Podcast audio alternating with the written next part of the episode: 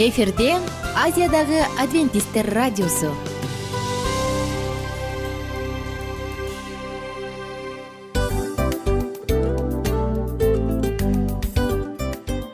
Достор салют. Баардык сүйүктүү угармандарыбызга салам айтабыз. Кутман күнүңүздөр менен.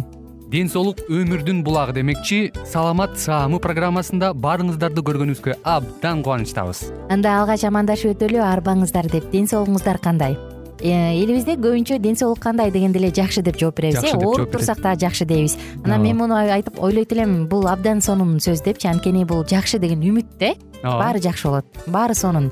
Деп үмүттөнүп атып эле өзүбүздү өзүбүз дарылап коебуз.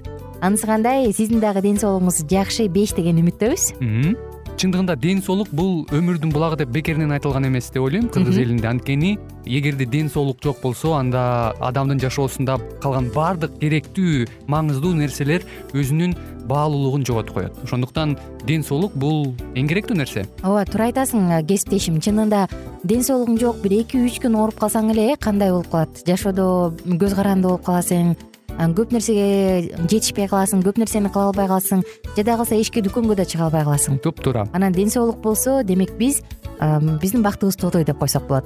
Анда достор саламат саамы рубрикабызды баштайлы. Алдыда өзүңүзгө керектүү болгон сонун кеңештерди уга аласыздар. Мына ошондуктан биз менен бирге болуңуздар. Ал эми биз болсо милан жана айнура. Кеттик алга. Алга саламат саама ден соолуктун жарчысы. Саламат саама ден соолуктун ачкычы. Күн сайын сиз үчүн мыкты кеңештер сонун жаңылыктар кызыктуу фактылар биздин рубрикада.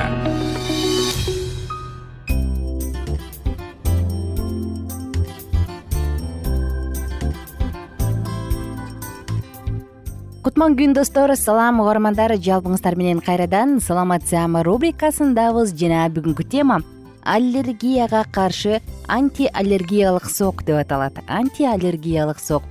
Аллергия дегенде эле аллергетиктер өздөрүн эстеди болуш керек э? Бул түшкүрүп бышкырып көздөн жаш агып дене кычышып денебиз кызарып шишип э? Ушундай бир өзгөчө болот. Мындай учурда негизи аллергияда көбүнчө гүлдөгөн чөптөрдө кайсы бир чөптүн түрүнө конкреттүү бактарактарга каршы аллергиябыз бар болушу мүмкүн. Кандайдыр бир тамак аш суусундук газдалган суусундукка чаңга айтор толтура. Адамдын аллергетиги же аллергия чакыруучу бир нерсе баардык нерсе болуп калышы мүмкүн. Аллергия бул адамдын иммундук системасын козгой турган абдан кеңири таралган оорулардын бири бул грек сөзүнөн алынган аллос бөлөк чоочун эрон кыймыл дегенди билдирет. Кээ бир адамдар белгилүү бир өсүмдүктөргө кандайдыр бир тамак ашты колдонууда ал эмес абадагы ар кандай заттарга дагы өтө сезимтал болуп калышкандыгы дагы эмнени айтсак болот бул жөнүндө? Мындай сезимталдуулук адамдын организмин жабыркаткан бөрү жатыш чөп безгеги диарея ашказан спазмасы жана өтө олуттуу түрдө айланганы астма сыяктуу оорулардын себепкери болуп саналат аллергия деп атоого болбойт эгерде организмде мындай реакциясы пайда болсо. Кыскасы сырткы чөйрөнүн ар кандай агенттеринин таасирине болгон организмдин жогорку сезгичтиги аллергия менен мүнөздөлөт аллергия кантип башталат? Бир аз кыскача токтой кетсек көпчүлүк учурда аллергияны грипп оорусу менен алмаштырышат э? Себеби э, эки оорунун симптомдору окшошуп кетет. Сезон убагында козголот анан өтүп кетсе грипп болуп айыгып кеттим деп жүрө берет натыйжада аллергия күчөп кетет. Андыктан жыл сайын бир мезгилде чүчкүрүп мурундан суу көздөн жаш агып дене кычышкан өңдүү белгилер байкалса дароо биздин сөзсүз түрдө аллергологдорго кайрылып келиңиз. Эми кимдер көбүнчө аллергия менен ооруйт?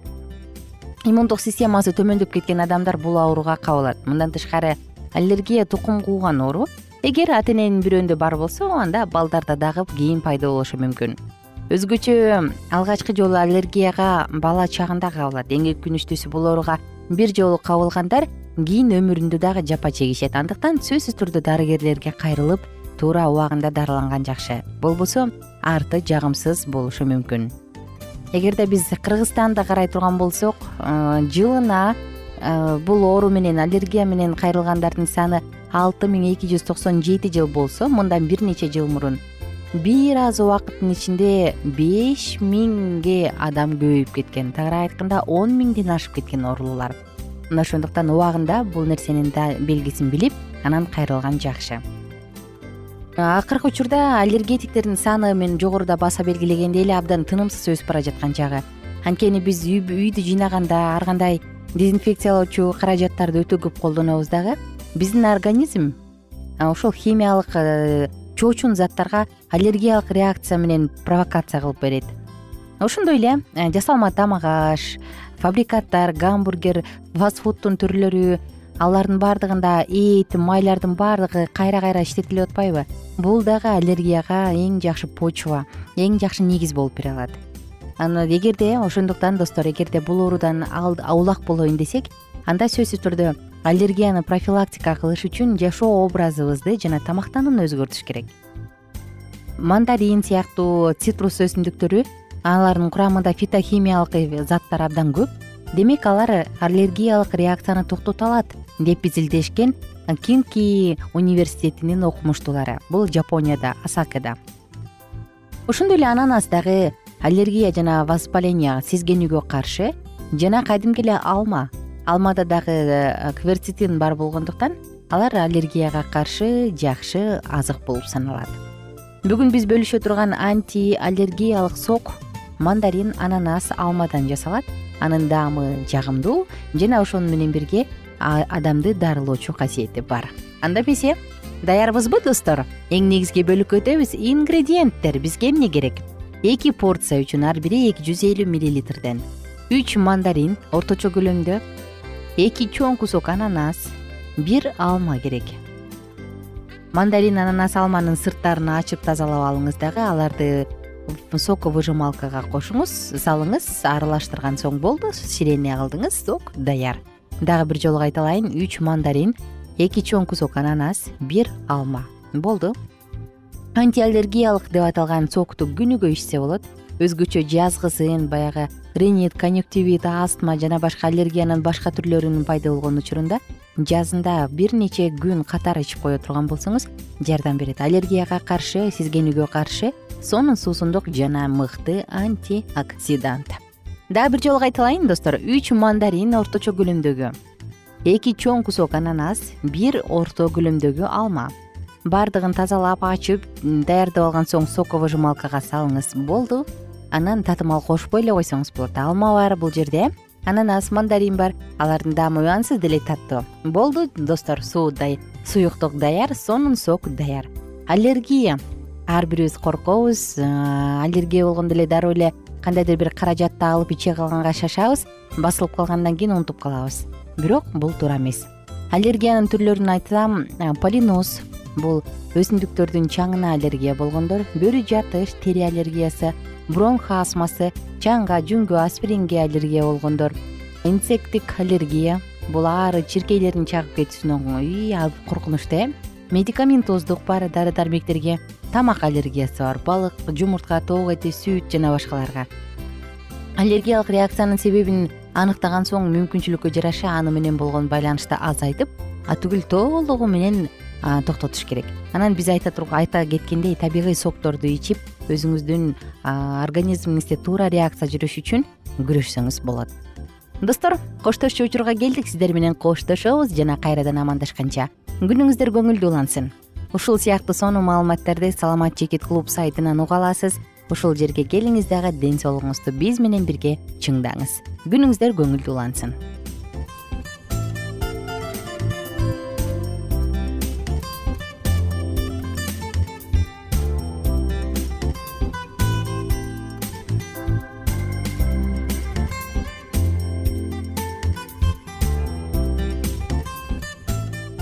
кененирээк маалыматтар үчүн үч w чекит саламат чекит клуб сайтына келип таанышыңыздар.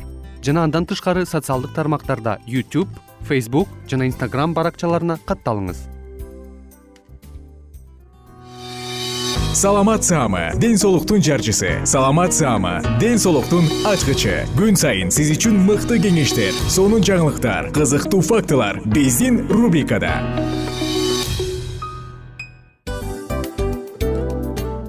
салам достор.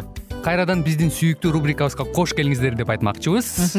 Баардык замандаштарыбызга арбаңыздар деп саламыбызды айтабыз. Улуу ушундай бир урматтаган учурашуу менен анан дил маек радио баракчабызга чакырабыз. Негизи дил маек биздин рубрикабызда эмне жөнүндө кеп кылабыз бул дил маектин мааниси эмнеде рубрикабыз менен кичине тааныштырып кетсеңиз. Сөзсүз түрдө тааныштыра кетейин кесиптешим суранычы боюнча бул учурда бул радио баракчада биз ар тарап кесип ээлеринен сонун кеңештерди алабыз сүйлөшөбүз сырдашабыз. Аталарыбыздын эжелерибиздин апаларыбыздын кеңештерин угабыз айтор.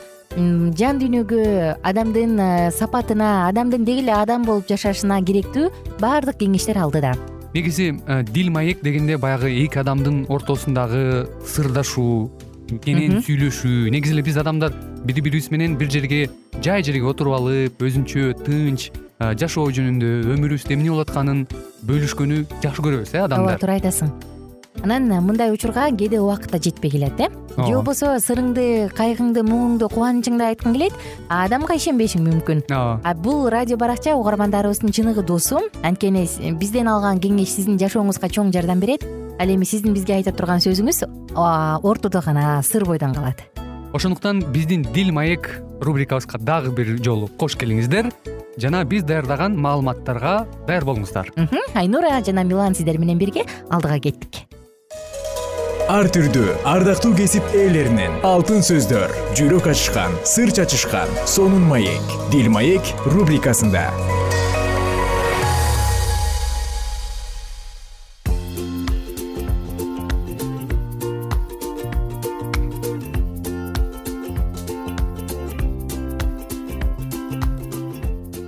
Кымбаттуу замандаштар сүйүктүү достор жалпыңыздар менен биз кайрадан жагымдуу саатыбызды дил маек уктуруусун баштадык эске салсам достор бул уктуруубузда биз сырдашып жан дүйнөнү ачышып ушундай бир чай үстүндө болбосо дагы образдуу чай үстүндө сүйлөшө алчу учур ошондуктан угармандарыбыздын баардыгын дагы бүгүнкү баарлашууга чакырам. Достор бүгүнкү баарлашууда сиздер менен бирге биз жаңы циклды баштайлы деп турабыз. Жаңы цикл махабат күнөө болушу мүмкүнбү деп аталат албетте. Бул теманы укканда бир гана жаштар дебейт элем баардык курактагы адамдар кулак түрүшү керек. Анткени адам махабатка жеткенде адам сүйүктүү болгондо бактылуу болот экенин билебиз э? Анысы кандай? Сиздин бактыңыз кайсы жерде? Сиз бакыт деп эсептеген махабат күнөө болушу мүмкүнбү? Же кайсы учурда күнөө болушу мүмкүн? Бул тууралуу алдыда сөз кылабыз. Угармандарыбыздын баардыгын жаңы циклдын бет ачаарына чакырам. Биз менен бирге болуңуздар. Себеби эмнеде бир нече жыл мурун липерландда төмөнкүдөй окуя болгон дешет таш тизгичтин шакирти бир себеп менен устатына ачууланып сазайын кулуна берүүнү чечет. Бир күнү кечинде ал сызгычты уурдап алат да чекесинен тер чыккыча аракет кылып жатып аны эки сантиметрге кыскартып салат. Эртеси күнү таш тизгич эч нерседен шек санабастан сызгычты алып мастерокту шилтеп үйдүн фронттонун курууга киришет. Кийинки күнү ал терезе коймок уста канчалык аракет кылса да терезе таптакыр кирбей коет. Ошондо алар бири бирин сен туура эмес жасадың деп күнөөлөп аз жерден мушташып кете жаздашат. Сызгычтарынын туура экендигине толук ишенген алар кайра кайра ченеп сен эсептен жаңылдың деп бири бирин күнөөлөп далилдегенге өтүшөт. Терезени жана терезе коюла турган жерди кайра кайра өлчөп ченеп бири бирин сокурсуң деп күнөөлөп жатып бир маалда бир нерсе жайында эмес экенин сезип шекшип калышат. Акылы алар сызгычтарын салыштырып көрүшөт. Ошондо баардыгы түшүнүктүү болот. Таш тизгичтин сызгычы эки сантиметрге кыска болуп чыгат. Балким бул ойдон чыгарылган окуяндыр. Бирок бир нерсеге баа берүү маселесиндеги келишпестик жашоодо чоң баш аламандыкты жаратаарын даана көрсөтүп турат. Биз уктап жатканда шайтан биздин машаякчылык критерийлерибизди акырын алмаштырып койгон деп ойлойм. Ошондон улам азыр жашообузда бир нерсе туура эмес экенин сезебиз бирок анын себеби эмнеде катылып жатканын билбей бири бирибизди күнөөлөй беребиз. Техникада жана илимде ченемдер менен салмактардын нормаларынын бири бирине так төп келүүсү орчундуу мааниге ээ экендиги баарыбызга маанилүү белгилүү. Ошондуктан ченемдер менен салмактардын эл аралык палатасы түзүлгөн туурабы ал жерде иридиум менен платинанын кошундусунан жасалган метр эталон көп жылдардан бери сакталып турат.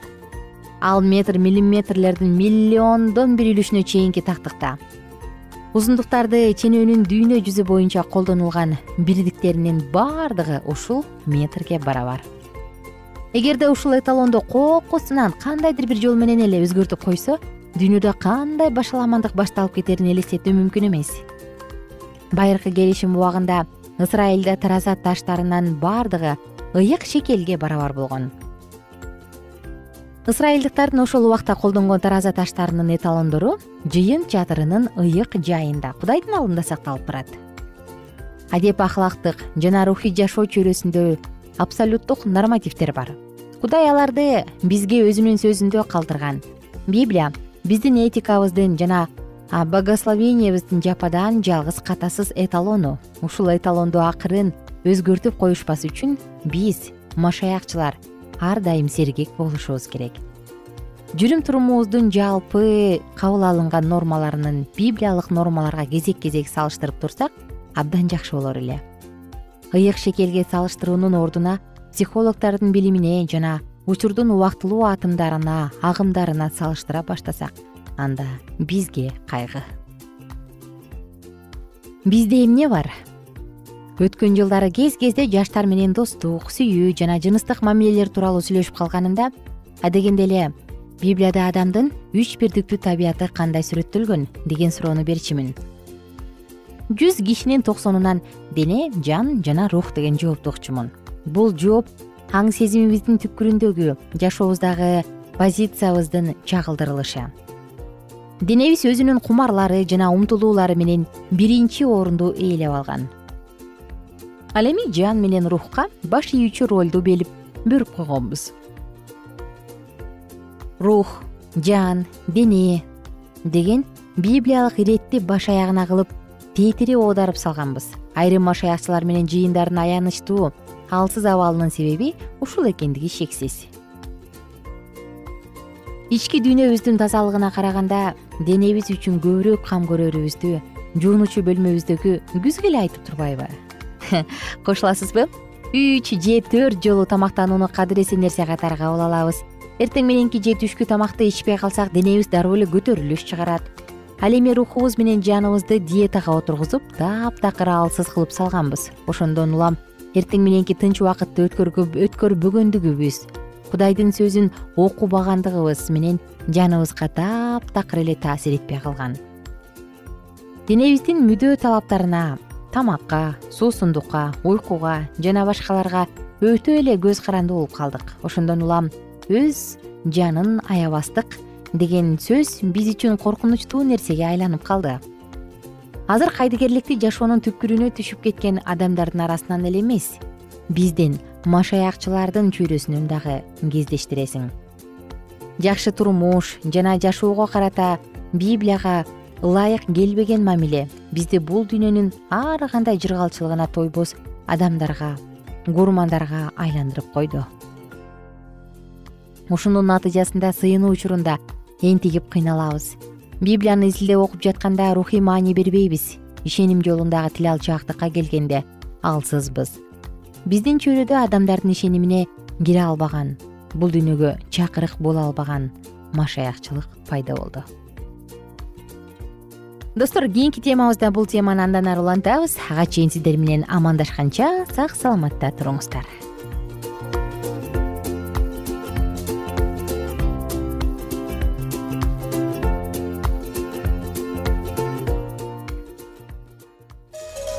ар түрдүү ардактуу кесип ээлеринен. Алтын сөздөр жүрөк ачышкан сыр чачышкан сонун маек. Бил маек рубрикасында.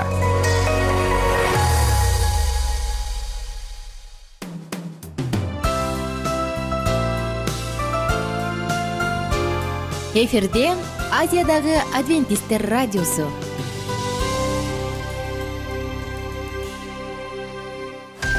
жан дүйнөңдү байыткан жүрөгүңдү азыктанткан жашооңо маңыз тартуулаган жан азык рубрикасы.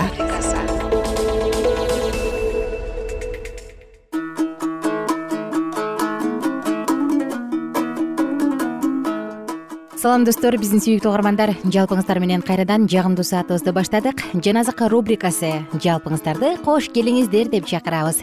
Жана достор албетте бул саатта жан дүйнөбүздү азыктандырып сиздер менен бирге адамдын жашоосунда болуп өткөн жана пайгамбарлар китебинен алынган кереметтүү аюб тууралуу окууну улантабыз.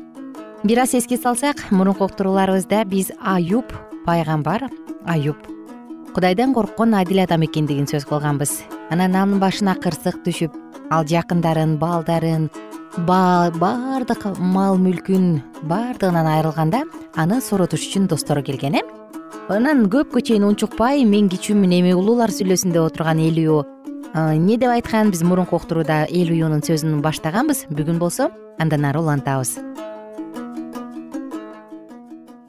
Аюб китеби отуз алтынчы бөлүм. Элүү сөзүн мындай деп улантты. Бир аз чыдай тур. Кудайдын атынан дагы айта турган сөзүм бар экенин мен сага көрсөтөйүн мен пикиримди алыстан баштайм. Жаратканымдын адилеттүүлүгүн далилдеп берем. Анткени чынында эле менин сөздөрүм жалган эмес.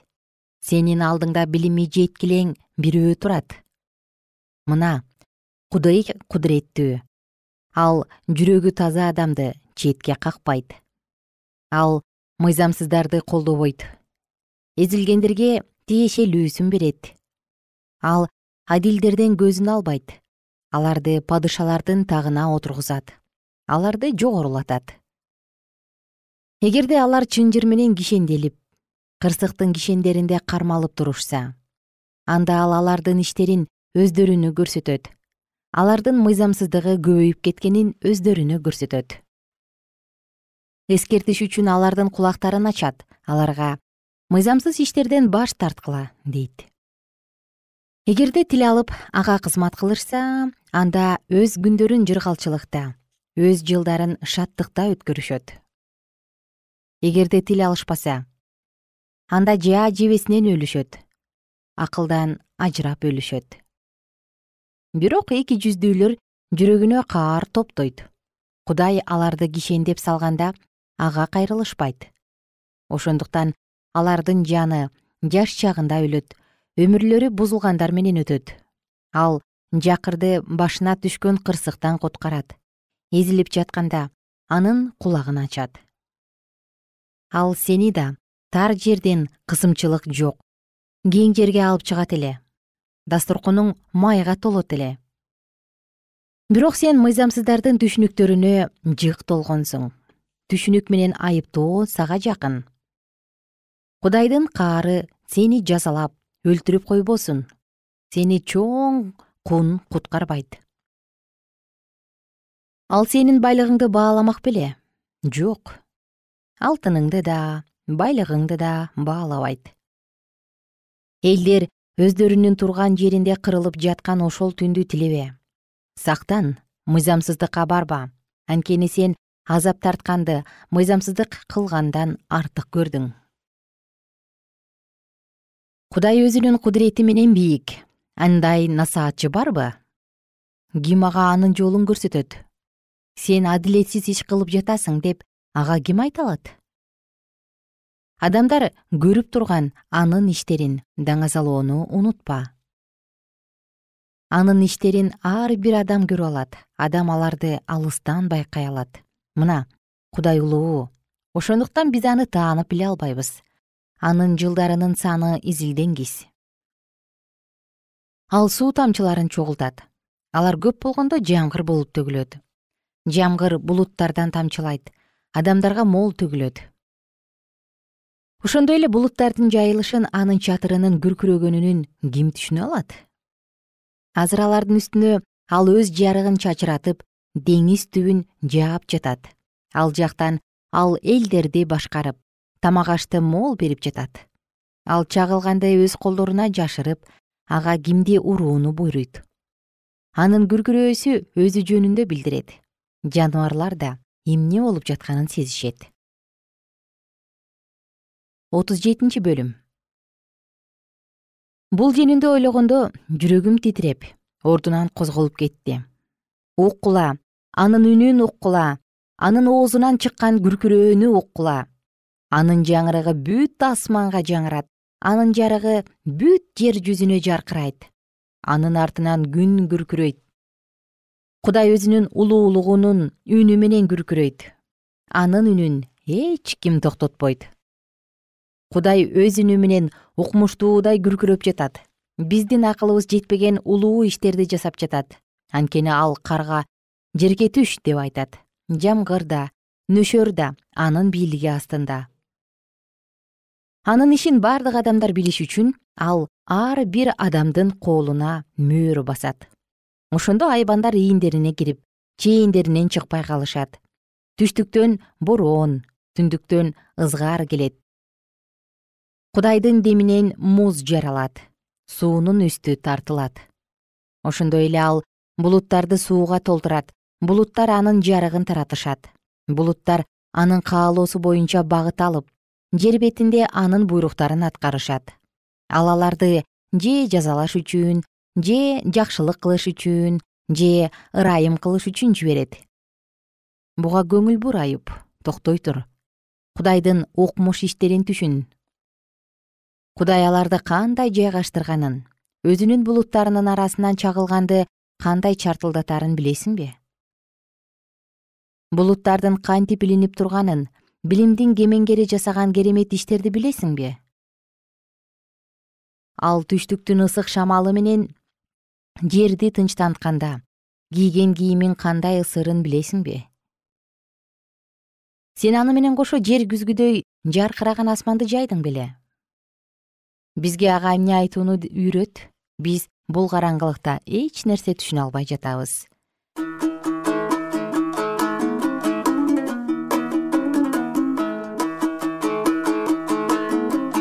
достор бүгүн сиздер менен биз эл уюнун сөзүн жыйынтыктадык. Эми буга аюп эмне деп жооп берет? Кызык э? Биз кийинкиде андан да кызыгын окуйбуз. Кудай аюпка эмне деп жооп берди?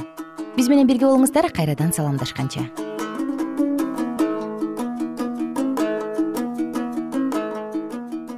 Эгер сиздерде суроолор болсо же көбүрөөк маалымат билем десеңиз анда биздин whatsapp номерибизге жазыңыз. Плюс бир үч жүз бир жети жүз алтымыш алтымыш жетимиш. Кайрадан плюс бир үч жүз бир жети жүз алтымыш алтымыш жетимиш.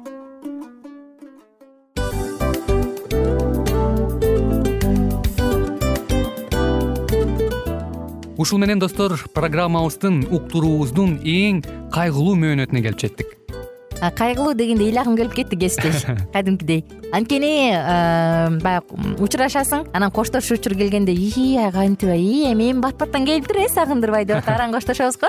Анысы кандай? Угармандарыбыз менен коштошчу учур келди. Кийинки уктурууларды сагыныч менен жүрөгүбүздө кусалык менен күтөбүз жалпыңыздарды анан жарым сааттык уктуруу көз ачыш умганча өтүп кетти?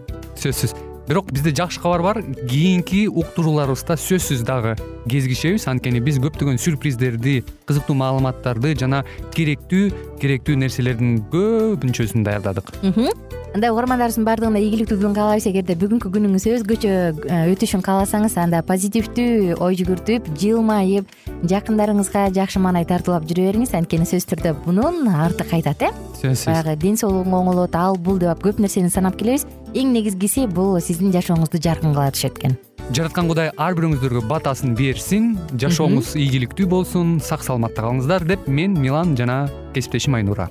Баардыгыңыздар менен кийинки уктурууда үн алышканча баарыңыздарга ийгилик каалайбыз